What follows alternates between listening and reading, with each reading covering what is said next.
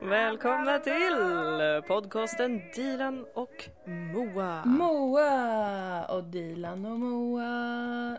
Nu ska jag bara skruva upp volymen på telefonen här. Vi pratar ju på telefon, vi spelar in via länk fortfarande. Ja, det gör vi. Jag har aldrig känt mig så pre- professionell i hela mitt liv alltså. Nej, inte jag heller. Samtidigt som jag aldrig har känt mig så oprofessionell för att jag liksom jag ligger här på sängen och spelar in.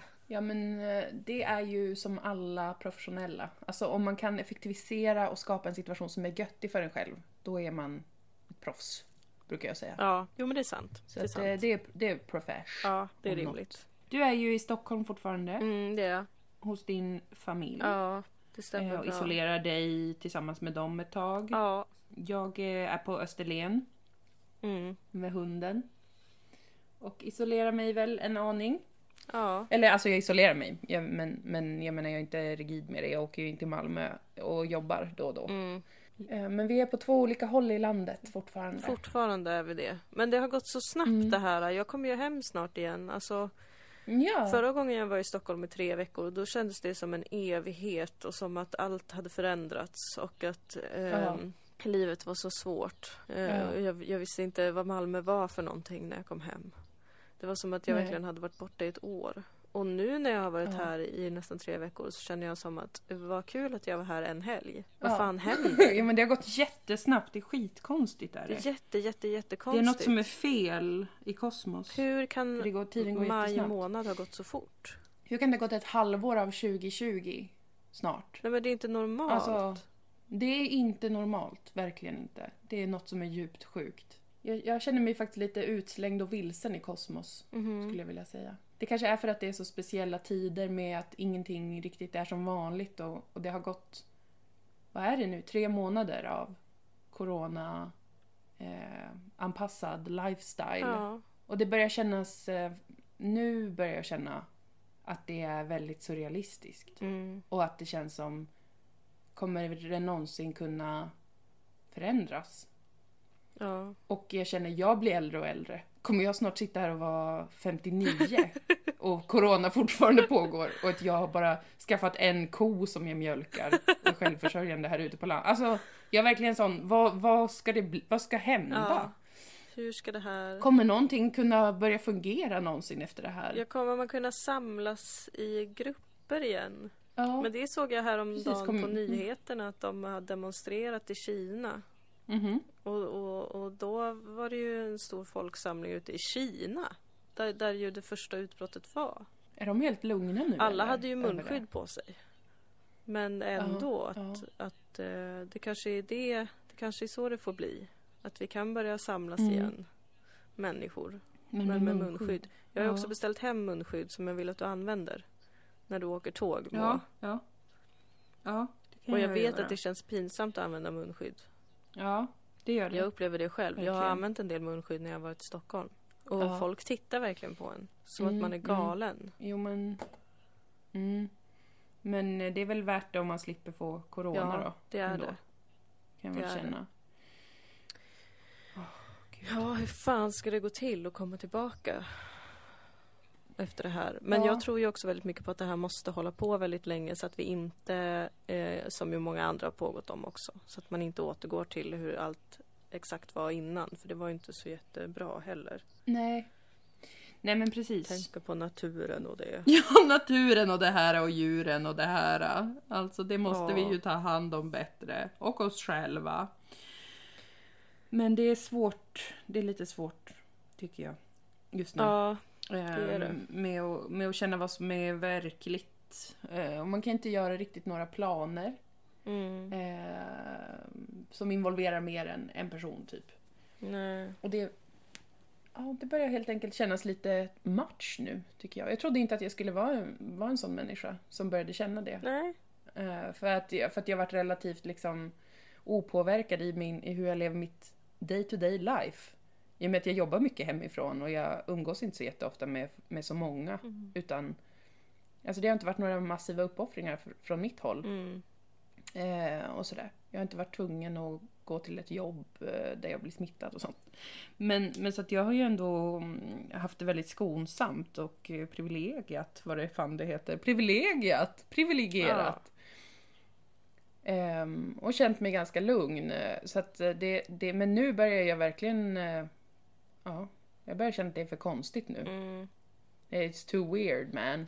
Det måste, ja, det, jag, jag känner mig lite lost i livet på grund av det här. Eller så skulle jag ha känt det ändå, men nu på grund av corona så kan jag lägga det på corona. Att det är det som gör att jag känner mig lite Ja, lost. det. Så kan det också vara. Ja, jag känner mig inte så lost faktiskt. Vad skönt, vad glad Jag jag, tycker att blir. allt... Jag tycker att du har verkat rätt munter och ehm, liksom driftig. Ja. Ja, Eh, inte, inte för att upphöja sådana arbetsvärderingar. Eh, värderingar. nej precis. Du har varit effektiv och skapat eh, tillväxt. Ja, jag har skapat Nej, jag har- fler jag- jobb. eh, enkla jobb i Sverige. Nej men faktiskt. Nej, men jag, jag har känt att du... Mm. Jag håller med. Det är, så, det är lite så jag har känt själv också. Eh, Jag har verkligen Mm. gått in i det här som jag har pratat om i podden, att det här är möjligheternas tid. Ja, Och ja. att nu kan man göra vad man vill. Ehm, ja. Och eh, jag har accepterat många saker med mig själv. Mm. Till exempel mitt stora intresse för astrologi. Som jag eh, Ja. har pågått om i alltså åratal ju. Det här är ju Ja, inte en har du. hemlighet för någon annan än mig själv. Det är det som är så roligt. Att jag liksom aldrig kunnat låta bli att prata om det. Men min Nej. självbild har varit att det där är en konstig sak som man inte ska hålla på med och som jag inte håller på med egentligen. Ingen Just vet det. det. här om mig och det är en välbevarad hemlighet. Men nu har jag liksom, när den här pandemin bröt ut eh, och det är mycket som man inte har kunnat göra så har jag förkovrat mig i det här och bara okej, men Ja. jag tycker det här är jätteintressant. Och då får väl folk tycka att jag är Mm. sjuk i huvudet då. Om det ska Ja, behöva vara Det så. får de väl. Ja. Men, eh, och det har ju har skapat en, genererat en större glädje också kring de andra sakerna jag håller på med också tror jag. Ja, det kan ju vara lite boostande, som är ett ord jag tydligen använder. Ja. Boostande att eh, känna kedjorna släppa. Mm. Att man bara får vara fri och, och nyfiken på det man är nyfiken på och intresserad av det man är intresserad av. Ja. Och inte beroende av eh, att någon ska godkänna det. Nej men precis. Ehm, och samtidigt så, så har det också känts som att mycket är som vanligt för att jag tycker, alltså man är ju mycket i sociala medier och sånt där nu ju. Och där tycker jag Mm. att allt har varit precis som vanligt. Förutom Ja. alla memes om hur isolerade folk är så har ju liksom, alltså debattklimatet i Sverige har ju inte förändrats nämnvärt. Jag har gått runt och varit Nej. paniskt rädd för det många Ja. dagar. Eh, rädd Just ja. för hur människor kommunicerar med varandra, rädd för hur folk opinionsbildar, rädd Ja. för vilka som är våra offentliga personer och tyckare och Mm, experter som det Mm. finns så många av. Alla håller på och skojar om att det är LOL att folk blir experter på pandemin. Mm. Men jag tycker det är LOL att folk blir experter på lite vad som helst. Det är också en gammal diskussion. Men på det sättet så Mm. har det känts lite som vanligt också för mig tycker jag. Ja. Att jag har gått runt och varit orolig. ju...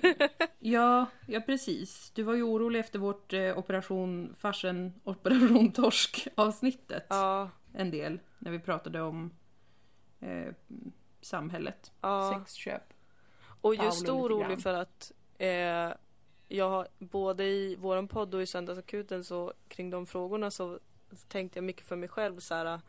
Jag ska inte jag ska typ försöka vara en god journalist, LOL. Nej men jag ska liksom inte så här pågå om min privatmoral. För att det är Mm. något jag stört mig på så himla mycket i de diskussionerna och i många andra diskussioner. Ja. Att folk liksom Folks metod för att diskutera är att utgå från sin egen privatmoral. ja. Eh, och att man ska framhäva det så mycket, vart man själv står. Vilket jag tycker Mm. kväver många samtal. Eh, och Mm. gör att folk inte vågar sväva ut själva och gör att andra kanske inte vågar säga vad de tycker för att man är rädd för att bli dömd och sådär. Just det. Och eh, det gjorde mig väldigt orolig sen att jag skulle bli påförd någon moral av andra. Att folk skulle börja spekulera i att jag kanske har helt sinnessjuka åsikter eller att jag Mm. håller på med till exempel torskwashing var jag väldigt rädd för.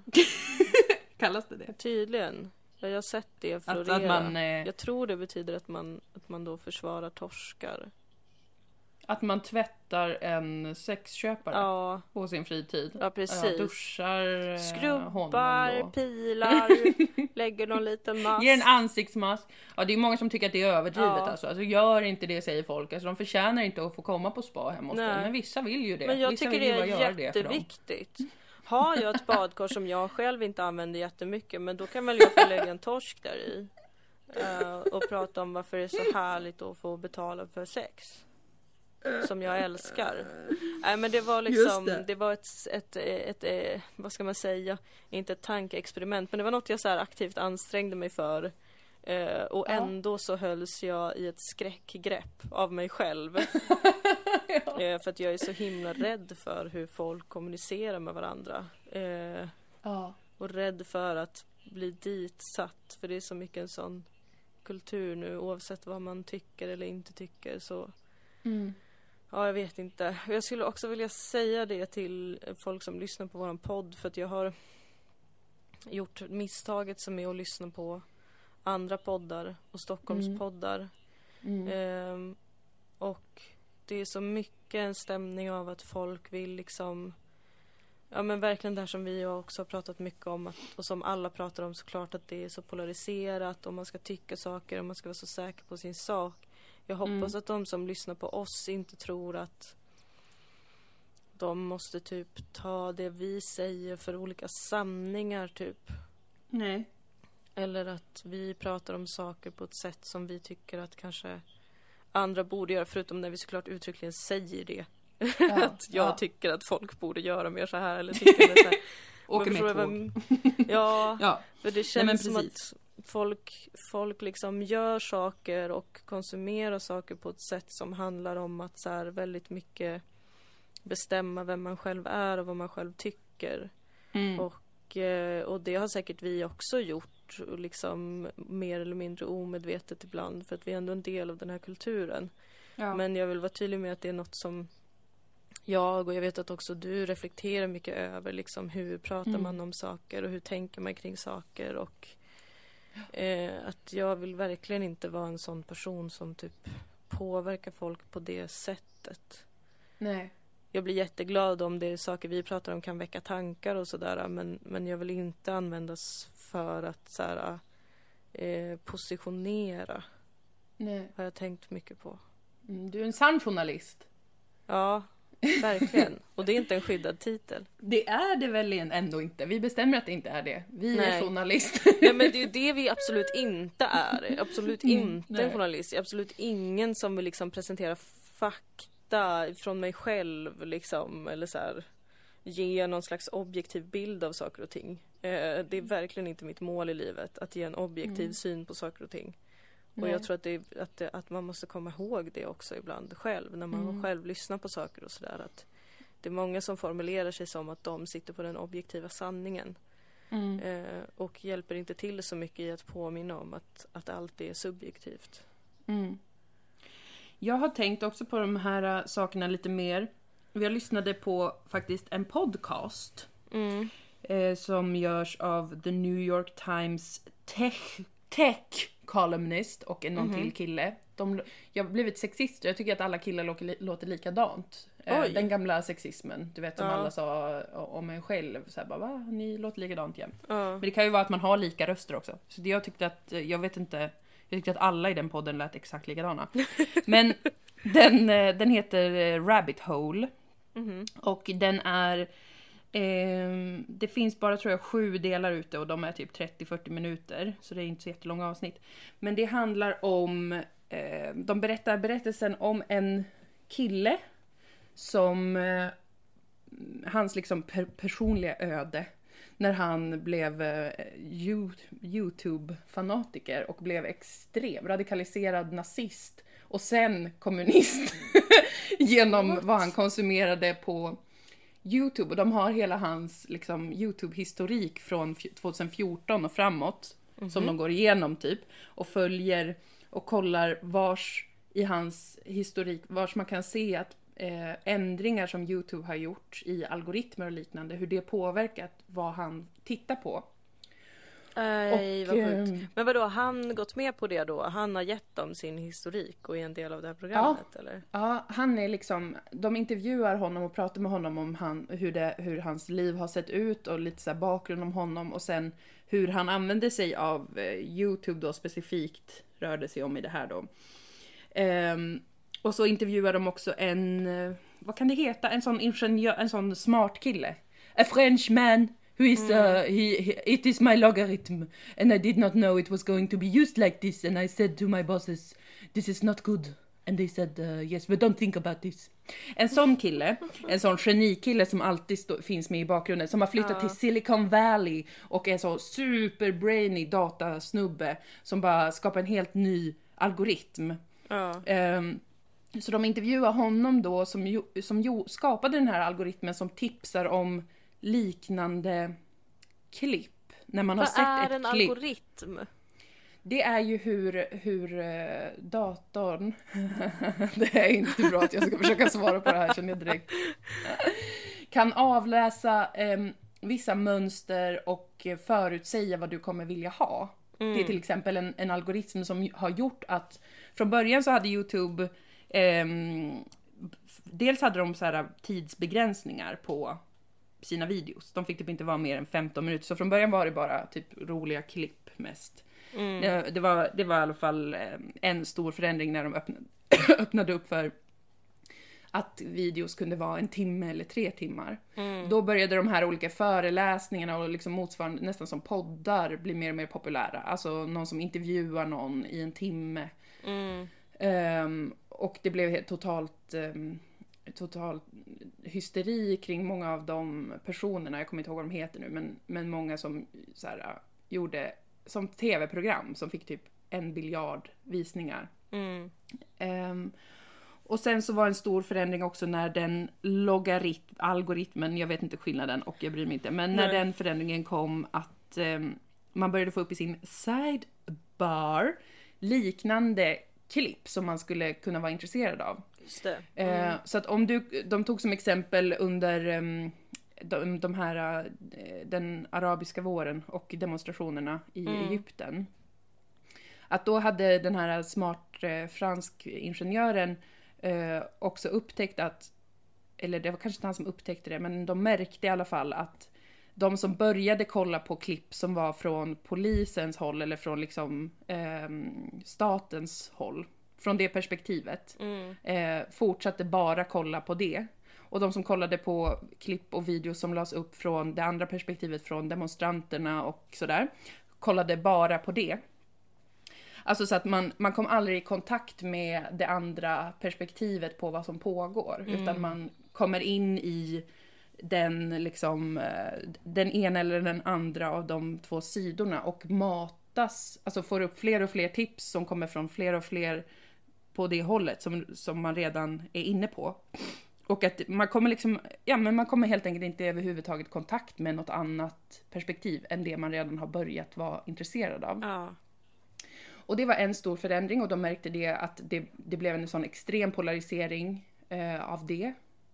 Särskilt kunde de se det då under, de, eh, under den perioden för där sociala medier spelade in jättemycket i de här eh, demonstrationerna och hur folk lyckades organisera sig och sådär. Mm. Och sen så kom en till förändring som Youtube gjorde som var att man inte bara fick upp liknande klipp. Så här, om du har kollat, de tog som exempel, har du koll på en kattvideo så fick du tidigare upp så här, då kan du också gilla den här kattvideon. Mm. Eh, det var den första. Och sen så var det en till förändring som var att om du gillar den här kattvideon så kanske du också gillar den här mer eh, extrema kattvideon.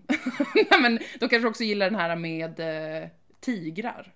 Alltså att den, den utvecklades till att också börja tipsa om mer och mer, eh, eh, vad ska man säga, inte bara liknande klipp utan utveckling på samma spår. Ja, om man säger så. Ja. Så att många av dem som, som den här killen som de intervjuade i Rabbit Hole, han började som, han var som någon vanlig slags random amerikansk tonåring, lite mobbad eller vad det nu var, jag bryr mig inte heller på att säga, men han, han var typ såhär, lyssnade på Dead Kennedys, var lite sådär lagom eh, vänstertonåring. Eh, och sen började han kolla på någon så här självhjälpsvideos med någon gubbe. En mer konservativ gubbe. Och Jordan Peterson och såna här har ju också börjat mycket med att det har varit självhjälp. Eh, Ja. Särskilt rik- inriktat mot unga killar och män. Som är en jättestor del av målgruppen på Youtube. Alltså det, det är enormt många unga män som, kill, pojkmän, killar som använder Youtube. Mm. Eh, Men så han hade kommit in eh, via liksom att han, han mådde dåligt typ och så hittade han någon som pratade om detta på Youtube. Och så hade Youtube fortsatt tipsa om andra och fler. Och han hade typ kollat och lyssnat alltså, jättemånga timmar per dag. Och blivit tipsad om fler och fler och fler personer och börjat titta på dem och bli intresserad av dem. Eh, och, och eh, det blev mer och mer extrema eh, högerkonservativa idéer. Och sen övergick till att bli mer renodlat att han liksom satt och kollade på någon sån eh, rasist i kostym som berättar om hur kvinnor har, ja men du vet, Mm. hela den vägen liksom. Mm. Så han hade blivit liksom legit nazist. av, av, och de kallar det att man trillar ner i ett rabbit hole på internet. Där det bara, man bara omges av exakt det som man redan tycker och sen eh, får man mer och mer eh, stimuli, mer input av folk som man upplever är samma som en själv. Så man känner en gemenskap kring det och som att det skulle kunna vara ens vänner och som att man hör hemma liksom i den här gruppen. Mm. Eh, och sen så hade han stött på då när han var, hade blivit liksom radikaliserad höger eh, nazikille. Så hade han plötsligt stött på en sån här gamer som var vänster. Som hade börjat äga olika högermänniskor. Så hade han blivit, börjat känna mer och mer att det var det rimliga. Så, så har han gått hela, löpt hela linan ut åt det hållet. Så nu, var han så här, nu har han själv börjat vlogga och är typ, alltså du vet det är så idiotiskt på ett sätt. Men också typ, de har räknat ut de som skapar de här algoritmerna och bla bla bla, allting handlar ju om att generera eh, publik och tittare på då i det här fallet Youtube och där har ju Google konstruerat, de, ja, de äger väl dem eller vad det är. Och det var ganska fascinerande att lyssna på detta för att de, de har vissa år när de här, de räknar till exempel 2014 så skedde den här första eh, uppdateringen av algoritmerna där där då eh, man får mer tips om samma och lika Ja. som man redan har tittat. Och det är så särskilt för att det är 2014, sen tror jag det var 2015 eller någonting. Men jag minns också de årtalen som att det hände saker på internet, med internet. Att, eh, och jag vet att du och jag pratade om det way back when på tankesmedjan. Att det började bli en liksom stressig stämning kring typ när man skulle skämta, när man ville skämta om antingen SD eller Fi. Att det alltid blev sådana massiva reaktioner. Alltså helt oproportionerligt jämfört med om man skämtade om eh, någonting som inte hade de typ buzzwordsen Ja. i sig. Och SD-are började med de här eh, anmälningskampanjerna som de helt plötsligt lyckades organisera i hundratals om, om, mot särskilda inslag i tankesmedjan som gjorde att våra chefer då eh, hade ingen aning om att det var det som pågick så de trodde att det, det legit hade hänt något skandalöst. Ja. Att vi, så då började de ta det på allvar och, och liksom, vi fick prata med jurister på tankesmedjan Mm. ju om vilka ord vi fick och inte fick använda gällande SD och vi fick använda främlingsfientliga men vi fick inte säga att de har en rasistisk politik eller det var så gränsland att Ja. säga att politiken Då skulle är man ha tre all- exempel som styrker att man kan kalla inte de rasister men någonting särskilt de har gjort för rasistiskt. Alltså det var helt Ja. bisarrt. Helt, helt bisarrt att vi, sitt, vi satt där i ett mötesrum med liksom jurister, SR-jurister som bara, ni, får, ni kan beskriva dem som främlingsfientliga, men ni kan inte, för att, ja, men så att det påverkade hela det programmet, det påverkade hela Sveriges Radio. Och det kom från att de organiserade en viss typ av liksom kampanj mot de inslagen. Och de inslagen, det var ju inte att det var massa lyssnare av tankesmedjan, utan det var kanske någon som hade hört det. Och sen spred det i sina interna forum och uppmanade till anmälningar och då var det hundratals anmälningar och då var alla såhär va? Åh, nej gud, vi har gjort någonting helt sjukt. Ja och vi lyckades Nej, men- ju inte med, för där försökte ju vi också problematisera det. Att så här, fast här måste Mm. vi ju se till hur det här har organiserats. Alltså att det är Ja, en reaktion som handlar om kvantitet före kvalitet. Eh, Ja. Och det nådde ju vi inte fram med. nej absolut inte. jag Och jag minns att det, vi, och på samma sätt med Fi så minns jag att eftersom att du och jag båda befinner oss, eller liksom är alltid har varit feminister, eh, intresserade av de frågorna, engagerade på olika sätt. Mm. Ehm, men att det blev en större och större eh, faktiskt känsla av att det, man, man kan typ inte, man vågar inte riktigt säga eller skämta på ett visst sätt om de frågorna för att då kan det bli samma effekt. Då kan man bli tjund som feminist eller som liksom Alltså man kan bli, det- kändes socialt riskfyllt att skämta rowdy om någonting eller att liksom eh, ja, alltså det var, det var liknande, det var absolut inte samma Ja, utsträckning. att absolut inte kritisera en lika aggressivt. kvinna typ. Ja, Eller att precis, det kritisera blev- en uttalad feministkvinna. Ja.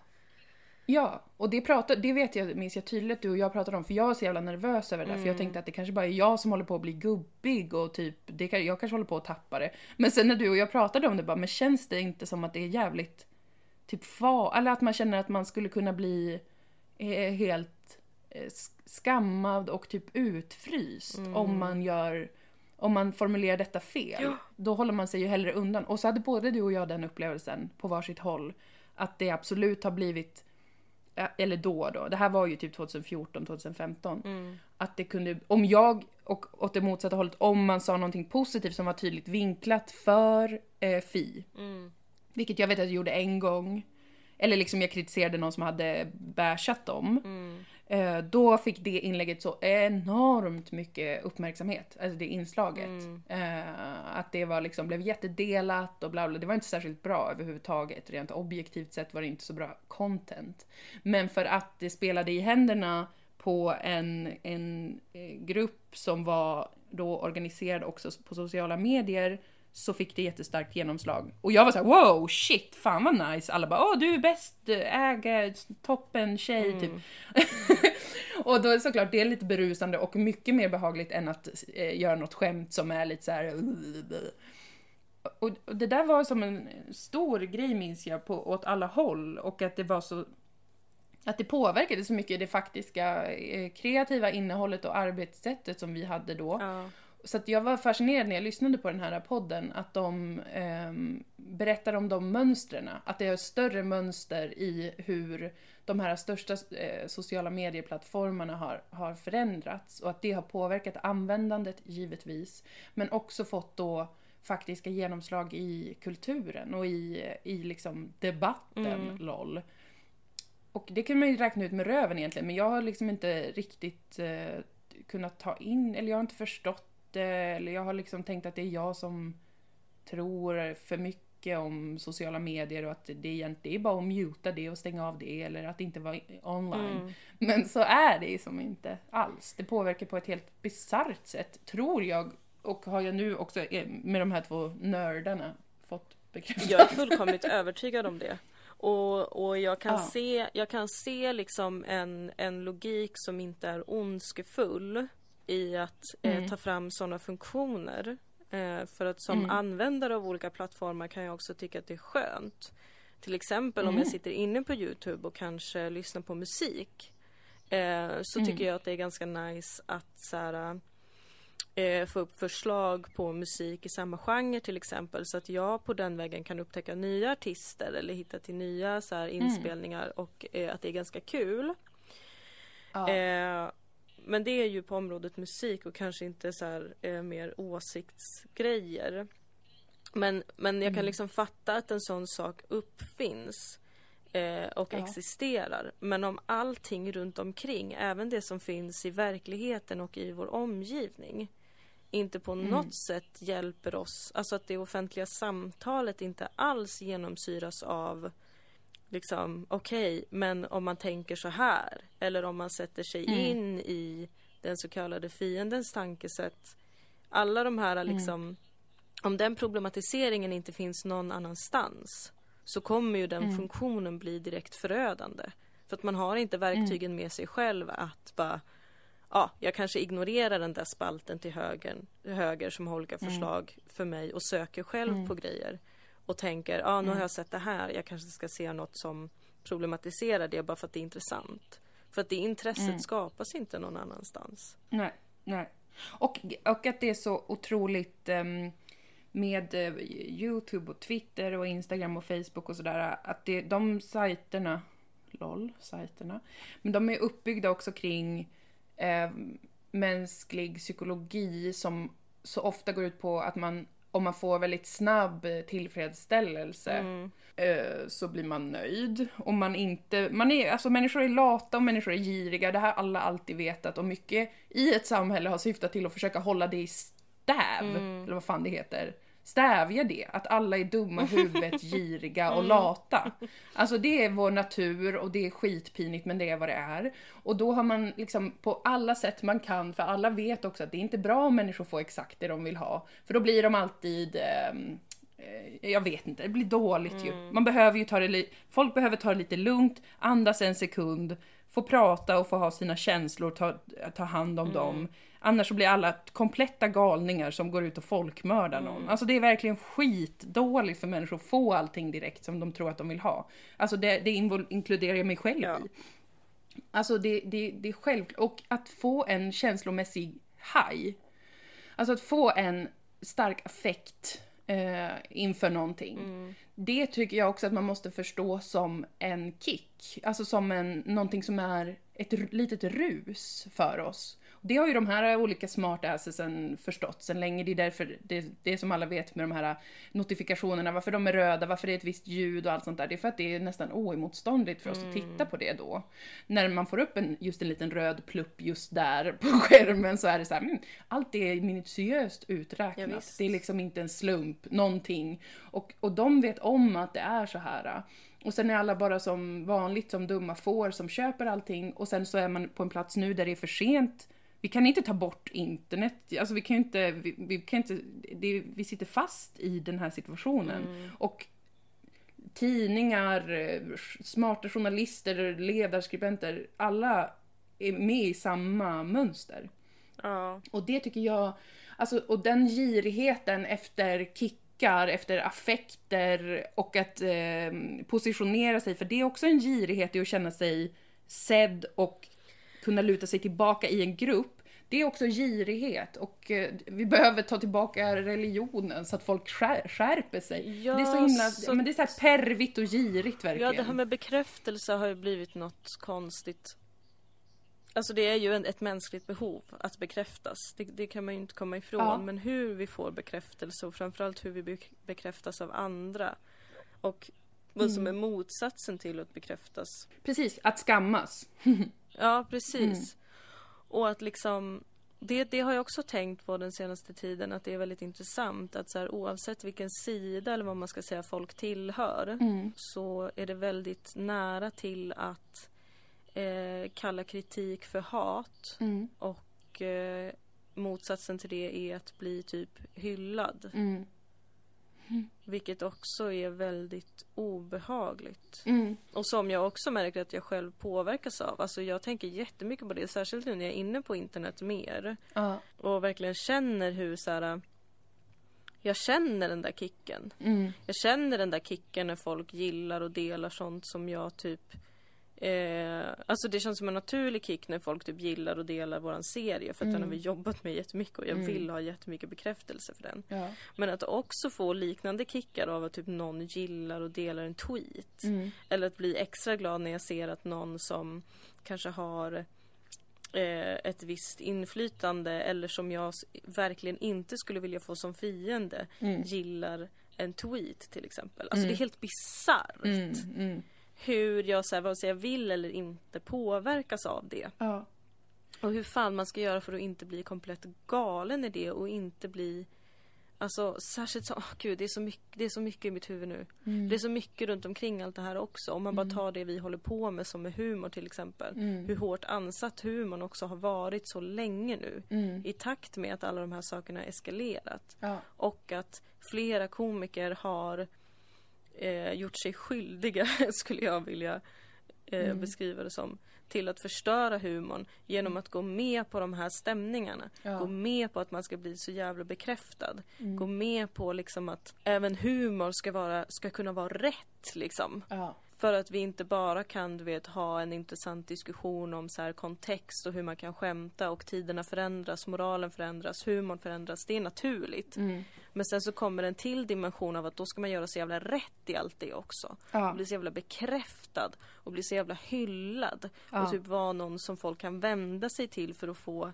rätt åsikter. Ja. Och att liksom allt bara har blivit så jävla nersmutsat och så står man där själv som kreatör och bara eh, min luft. andliga odling är ej skyddad. Den är inte fri. Nej. Den får inte vara vad den vill vara. Nej. Den Nej, måste det- alltid kunna stå till svars. Ja. Typ. Det blir så tydligt att de, det blir två, precis så, två fåror, två extremer i där antingen så väljer folk att gå den vägen av att börja göra rätt och kamma hem den bekräftelsen och plocka alla poänger och känna sig sedda och trygga i det. Eller så väljer folk att gå totalt fringe. Alltså pusha alla gränser, tappa allt, ehm, skrika olika saker eh, som de vet är liksom fruktansvärt för alla. Eh, Men att liksom totalt sparka åt det hållet eller kasta sig in i den väggen liksom och ta konsekvensen att man blir kanske shund. Alltså det har också blivit ett sätt i detta, men som fortfarande är en extrem.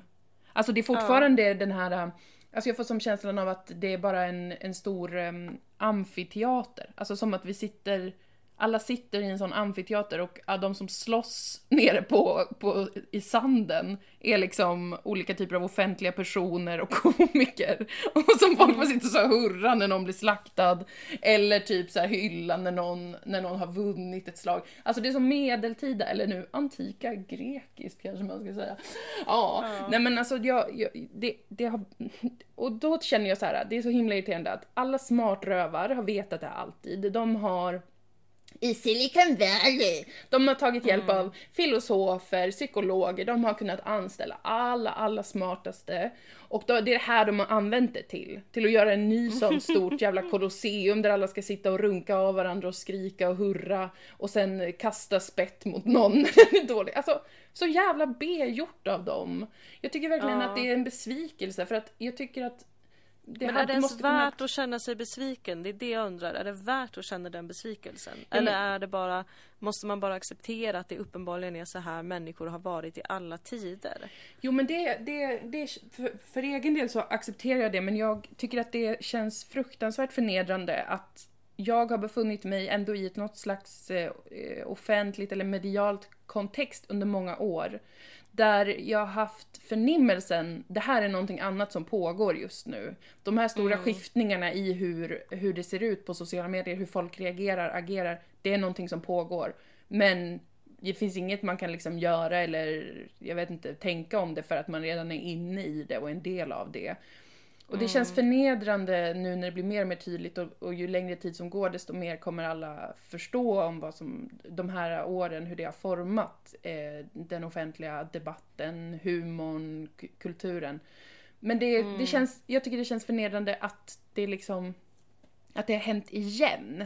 Fast på det här sättet, på sociala medier. Det känns liksom, jag hade bara liksom önskat att det inte hade behövt vara exakt samma grej igen. För att det är så tråkigt då för att vad, vad kan, man kan typ inte göra någonting. Man måste bara vänta Nej, på att människor ska fatta ju. saker. Ingenting händer. Nej.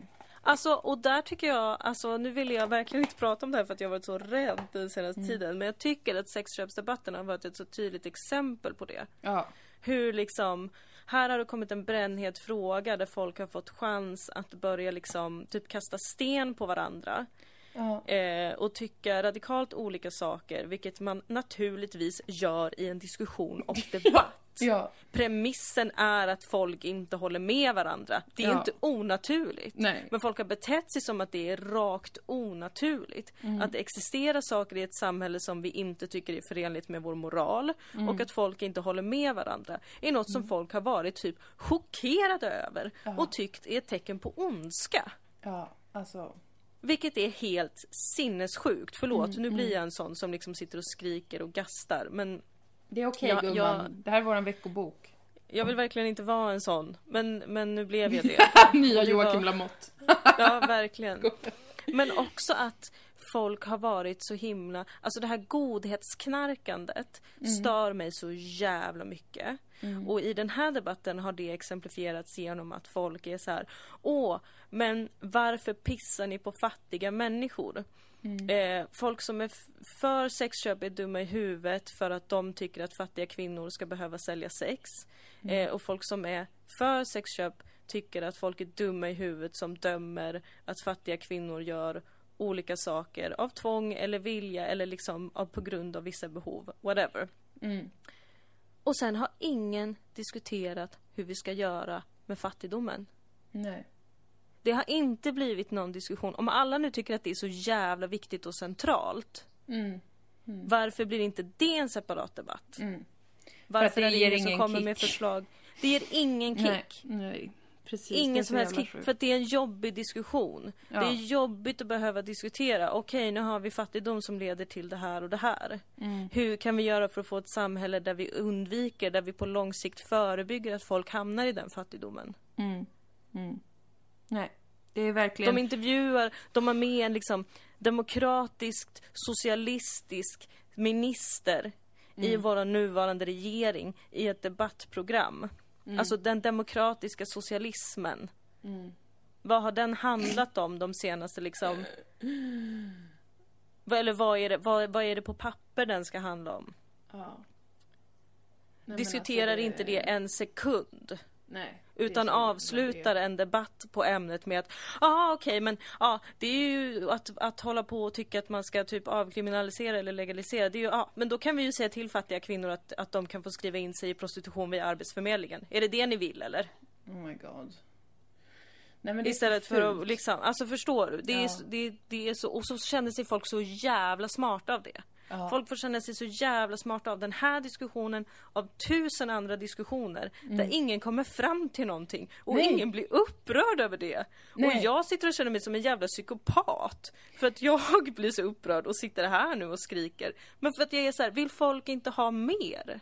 Nej, de vill bara ha sitt gladiatorspel. Alltså det är allt, det, det är så skitigt det är. det. Alla tycker att det räcker. Alla är nöjda om de liksom får se olika människor eh, svärda ihjäl varandra och de själv höll på rätt person. Alltså det är så basic och det är så deprimerande. Och det är verkligen när det, när det spelar ut sig som att det är politiska debatter.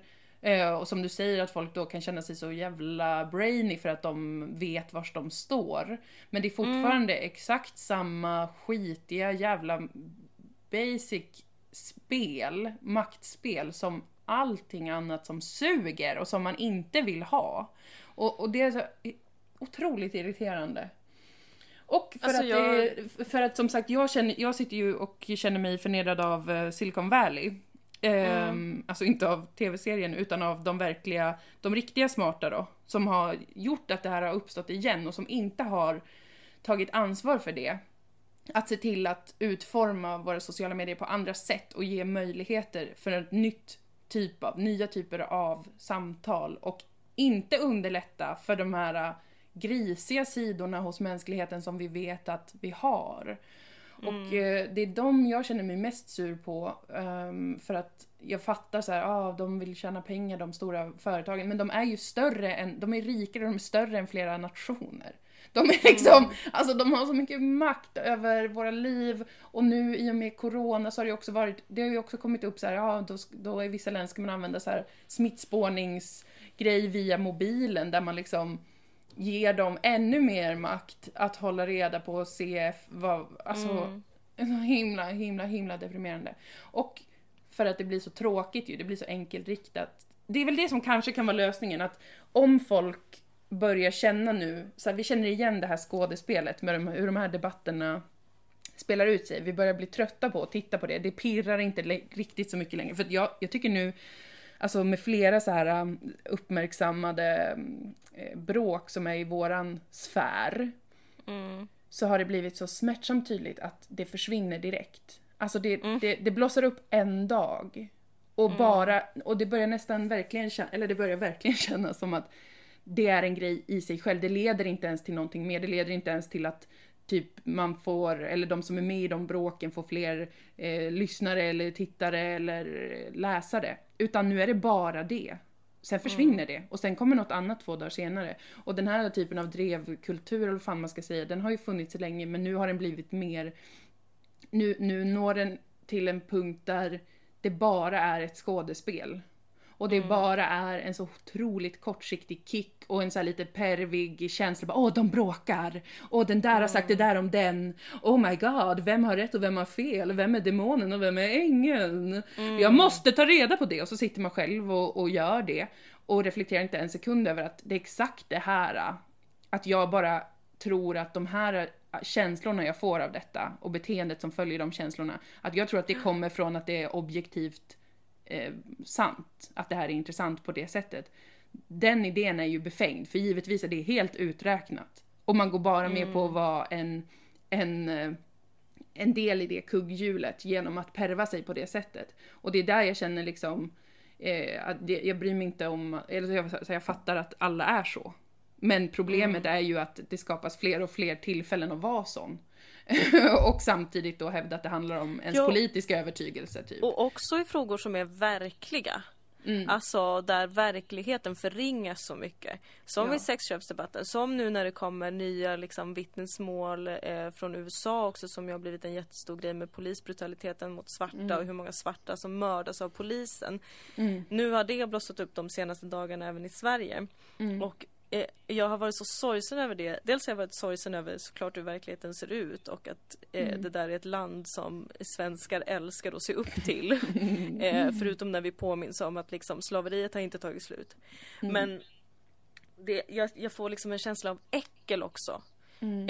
Eh, ofrivilligt så får jag en känsla av äckel när jag ser hur liksom nu börjar alla dela det här Mm. och, och hetsa kring det här och eh, liksom säga att vi måste öppna ögonen, vi måste vakna, vi måste göra någonting och hur Mm. jag bara känner att så här, det här kommer inte finnas om några dagar. Nej, exakt. Om några det dagar kommer det hemskt. här enorma sjuka problemet som vi också har ett problem med i Sverige Mm. kommer att försvinna om några dagar. Mm. Det är så jävla läskigt faktiskt. Det är fan skitläskigt. Alltså, det, det, det är surrealistiskt. Verkligen som Och jag du säger. vet hur många som såna- delar det där för Ja. att de ser att nu är det här uppe på agendan, jag måste snabbt visa vart jag står någonstans. Ja, ja. Så att ingen tror att jag är eh, typ antingen en galen rasist eller en galen eh, radikal identitetspolitiker som vill skjuta polisen. Mm. Jag måste visa vart jag står. Mm. Det är det viktigaste. Ja. Och sen så kommer nästa grej där jag får chans att visa det igen. Ja, det är så jävla dark. It's fucking dark. Is what it is. Nej men alltså, och det, det jag tänkte på som skulle kunna vara en vändning är ju om människor lär sig förstå att det är det som är, står på spel. Att de här eh, sakerna som så många bryr sig om och är väldigt, väldigt måna om att det måste kunna förändras. Att det, det kommer behövas nya sätt och vi kommer behöva bryta de här eh, mönstren, de här cyklerna som vi har blivit liksom inskollade i. Hitta på det ordet själv gjorde jag. För att Ja, när man har sett kanske 14 000 sådana grejer uppstå och sen försvinna och sen förändras ingenting. Så, så måste ju ändå människor börja känna, okej, det är någonting i görningen som inte handlar om det här faktiska problemet eller att diskutera det eller att försöka hitta lösningar eller kollektivt gå ihop för att hitta, skapa förändring. Det handlar inte om det. Det handlar om att vi bara liksom är sådana små tomtar som blir omkringforslade. Och, och skapar typ, skapar, skapar liksom ekonomisk tillväxt med hjälp av våra känslor för de gigantiska eh, företagen. Alltså, det måste och ju bara ändå folk börja förstå. en, liksom, hitta en syndabock som vi kan slakta tillsammans. Ja, och sen och sen vidare. fortsätta. Mm. På samma sätt som vi alltid har för att det finns någon som annan, något, något annat, något stort, något utomstående som tjänar pengar på det och har inbillat oss om att det är bra. Ja, och det är liksom, ja nej det, det är, eh, det måste, det måste förändras faktiskt för att det är otroligt eh, stressigt och sorgligt och som sagt jag känner en personlig vendetta. Eh, kanske för att jag har liksom eh, en sån eh, hypernarcissism som är att jag tror att jag skulle kunna vara en av de ingenjörerna i Silicon Valley. Så jag känner som att det är de som är mina, mina största fiender, mina opponenter. Att jag är såhär, killar, ni, ni har fan inte tänkt efter. Och det är också så jävla weak med dem, för de är alltid såhär, jag upptäckte att den här algoritmen kunde leda till det här. Men då så sa mina chefer att jag inte fick jobba längre. Men organisera er då! Organisera er, alla ni smarta, de lyssnar ju inte på det här. Men ni förstår att det här skulle jag vilja säga till dem. De, kan, väl de kan väl göra det istället för att sätta sina barn i privata skolor där barnen inte får använda internet för att de vet att det är liksom eh, very, very dark och very, very bad. Eh, Men för att folk kommer alltid välja sin egen trygghet först om, om man inte hjälps åt att liksom formulera en ny trygghet tillsammans. Och det Mm. förtroendet finns ju inte längre. Det finns ju inget förtroende för den kollektiva tryggheten längre. nej, nej. Eller för att man kan liksom skapa någonting nytt tillsammans. Eller ens insikten om att allt vi har runt omkring oss är konstruerat. Mm. Allt vi har runt omkring oss, systemen vi lever i, har människor skapat. Alltså kan människor ändra på dem. Men det är så Mm. mycket som upplevs som liksom av naturen givet. Och Mm. saker man inte får bryta mot. Och bryter man mot det så riskerar man ju så mycket idag. Den här utfrysningen. Mm. Och Det är ju minns- bisarr alltså, ja. och fruktansvärd. Och det är en av mina största rädslor. Att Ja. om nu eh, fascistiska krafter tar sig in Mm. i till exempel regeringsställning i Sverige Mm. och en väldigt trygg majoritet märker att deras materiella trygghet inte påverkas nämnvärt av det. Då är så jävla många andra av oss körda. Mm. Mm. Alltså vi är fucked. Mm. Och Absolut. jag blir inte förvånad om det händer. Och jag utgår nästan från att det är en liksom ganska så här eh, realistisk framtid i Sverige. Mm. Det är det ju. Och det är så jävla obehagligt. Det är så jävla obehagligt att vi inte kan tänka utanför där vi är exakt just nu. Mm. Nej. Men också så här. ah, Nu sitter jag jätteupprörd och så, jag kastas så ofta mellan de här känslorna av att vara så upprörd och så orolig och å andra sidan känna bara men är det inte så här vi alltid hållit på? Ska jag inte bara acceptera det här nu? Mm. Jag får bara acceptera Jag får hitta min egen trygghet. Jag får bara se till att mitt liv är fine och fixat och ordnat. Mm. Eh, så att jag klarar mig för att det där kommer kanske aldrig gå att ändra på liksom. Mm. Så man Nej, är ju, jag jag, är ju jag, vill, jag vill bara understryka att jag är också en del av allt det här som jag, som jag pratar om naturligtvis. Ja men det, det är vi båda. Men, eh, men jag tror att eh, vi, vi ska rikta blicken mot just de här eh, konstruktionerna, företagen, människorna som eh, vinner så mycket på det här. Mm. Ehm, för att det har ju blivit, det, det är dels extremt mycket svårare eftersom att det rent politiskt är oklart. För det, det är andra, det är människor och företag i andra länder som, som kontrollerar och tar del av information om oss som vi liksom vi har ingen aning om hur det fungerar. Jag vet inte ens hur el fungerar. Det är skitsvårt för mig att comprehend hur fan jag kan ha en telefon överhuvudtaget. Och ännu mindre en smartphone. Alltså det är skit tekniskt avancerat, vilket gör det väldigt mycket svårare att förstå vars makten eh, centraliseras. Och att, att det är en, en spelare med sociala medier och, och internet som är liksom, den är så enorm och den är så långt bort från någonting som vi någonsin har liksom lärt oss att kritisera eller förstå överhuvudtaget. Och det gör ju att det är lättare att tänka, ja men då, då, då är det på den här vägen det är, så här är mänskligheten. Och så jag är ju ofta också i den, så här, men då kanske man bara får se till att försöka skydda sig själv. Men det är ju också typiskt att solidaritet och all form av sån eh, kollektivism blir helt utraderad. Till förmån för då typ, då ska vi gå med på bara att liksom det finns en, en liten andel multibiljonärer som liksom som bara finns och bara har gjort detta och fortsätter göra detta och vinna på det medan medans de här verkliga problemen som påverkar oss alla eh, på ett eller annat sätt blir värre och värre. Och det... Jag tror att det blir liksom frustrationen också tar man ju ut kanske då på saker som är enklare att begripa, typ ens sexköpare. Eller man kanske oavsett är väldigt arg över det, men att man, man inte förstår vad det här... Jag förstår inte, men jag har haft en hunch och jag, har, jag vill veta mer om vad fan det är som pågår med detta, för det är så mycket som centreras kring hur vi agerar online.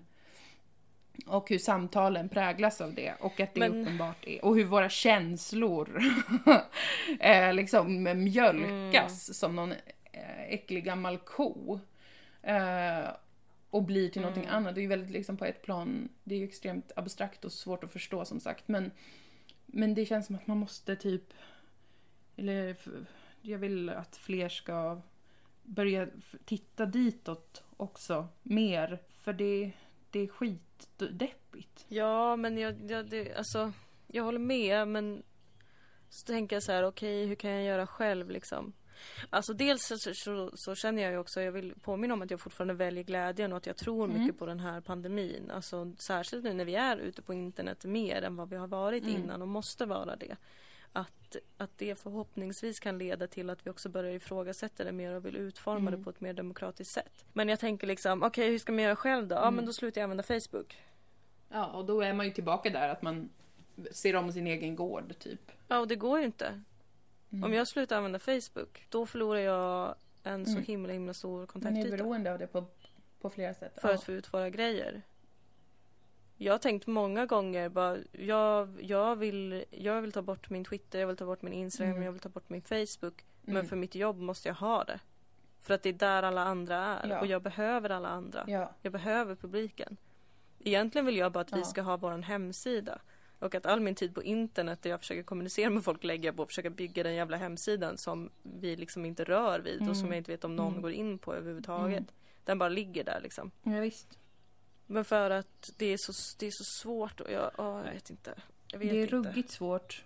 Jag är bara dum, ett dumt boskapsdjur på internet. Ja, samma här tyvärr. Fastän jag önskar att jag var en av grabbarna i Silicon Valley som kunde förändra någonting. Eh, som kunde liksom Mm. eh, omkullvälta de, the, the kings. Eh, de som har uppfunnit Amazon och Google och allt det här. Men det är jag ju inte. Jag är ju Mm. också ett dumt får.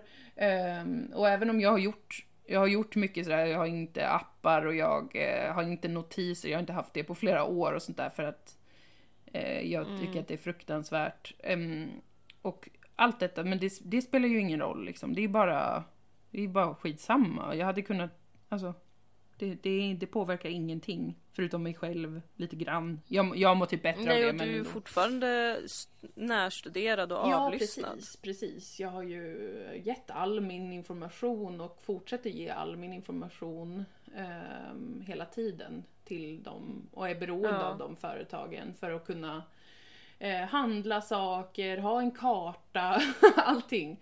Och en, en så att säga analog omställning hade varit så extremt svår.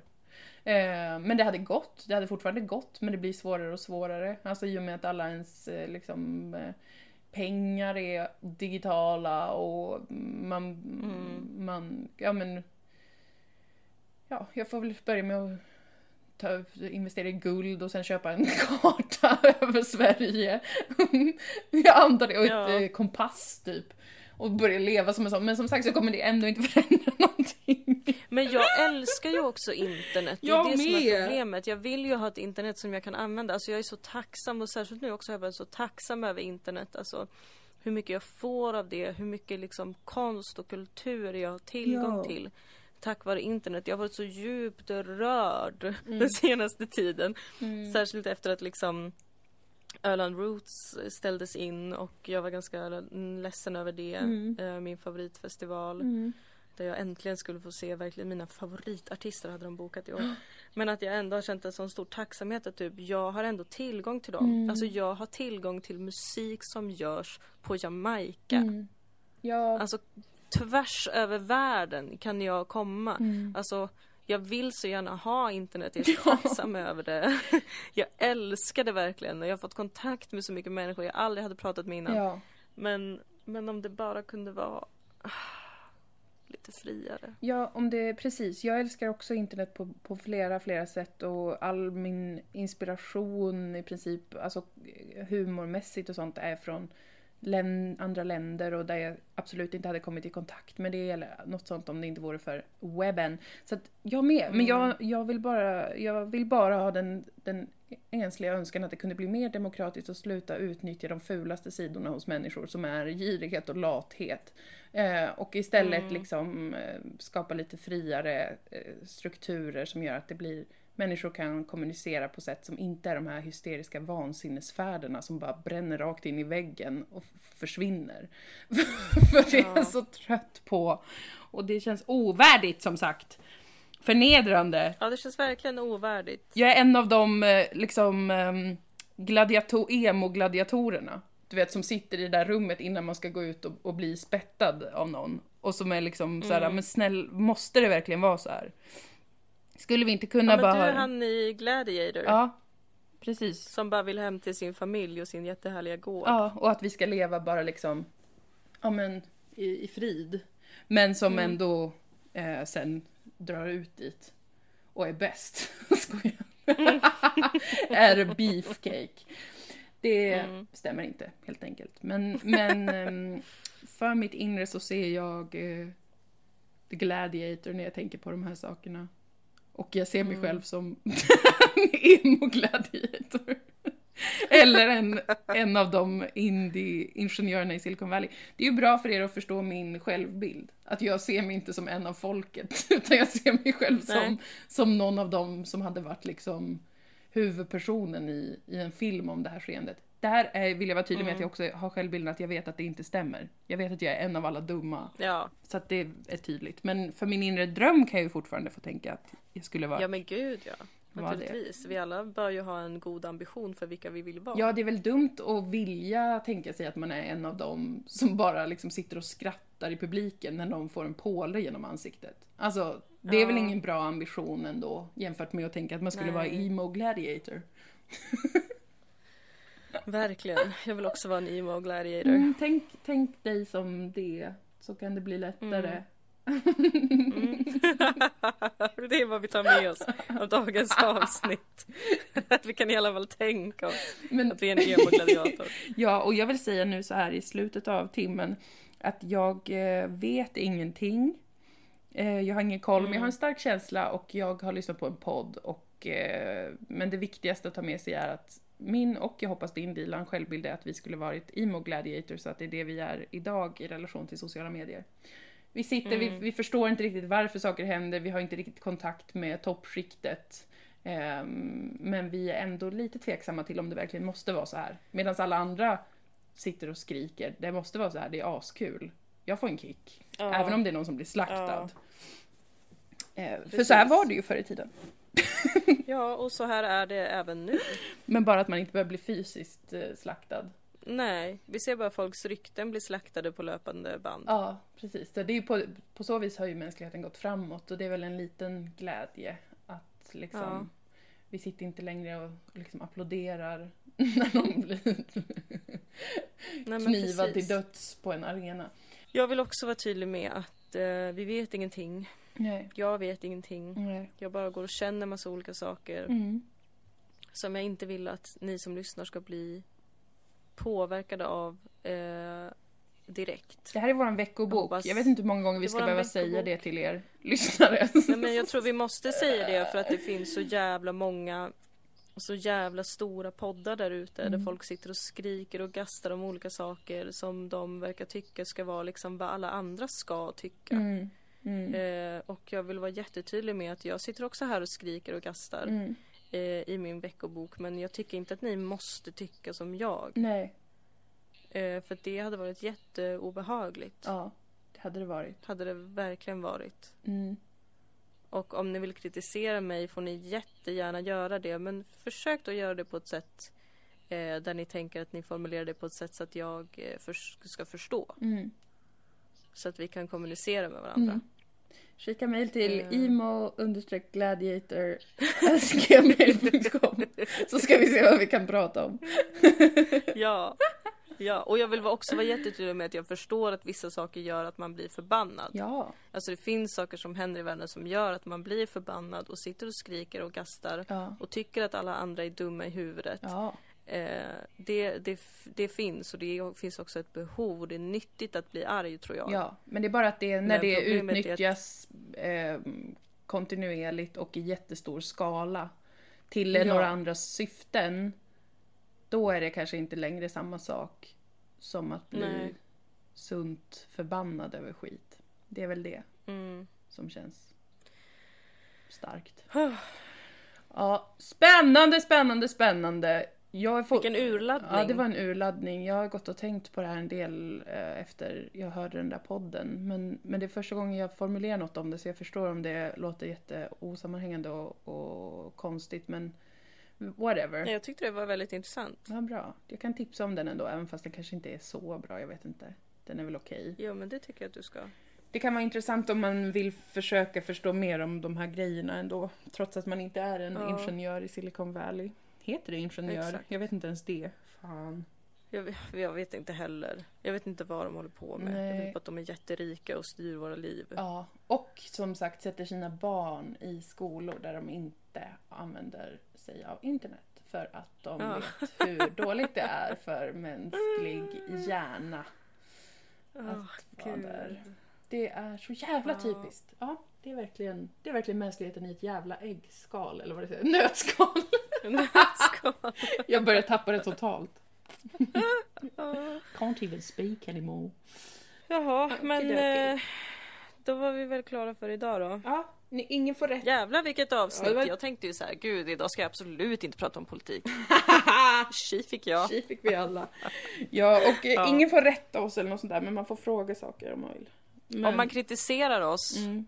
Då är det kvinnohat. ja, jag tål inte kritik, som alla säkert vet. Och jag kommer liksom outa varenda kritiker. Ja, och förstör dens liv.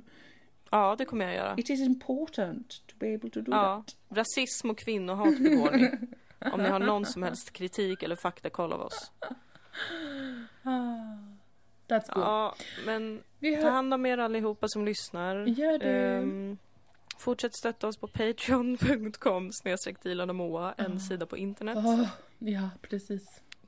Kolla på vår serie Sagan om Dilan och Moa på SVT Play. Ja, också internet. Uh-oh!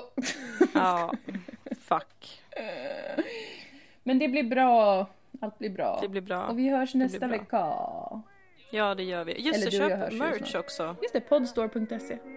På Ja, internet! På internet. Åh nej. Åh gud, nu lägger vi på. Ja. Helvete. Hej med er. Puss och kram, hejdå! Puss puss.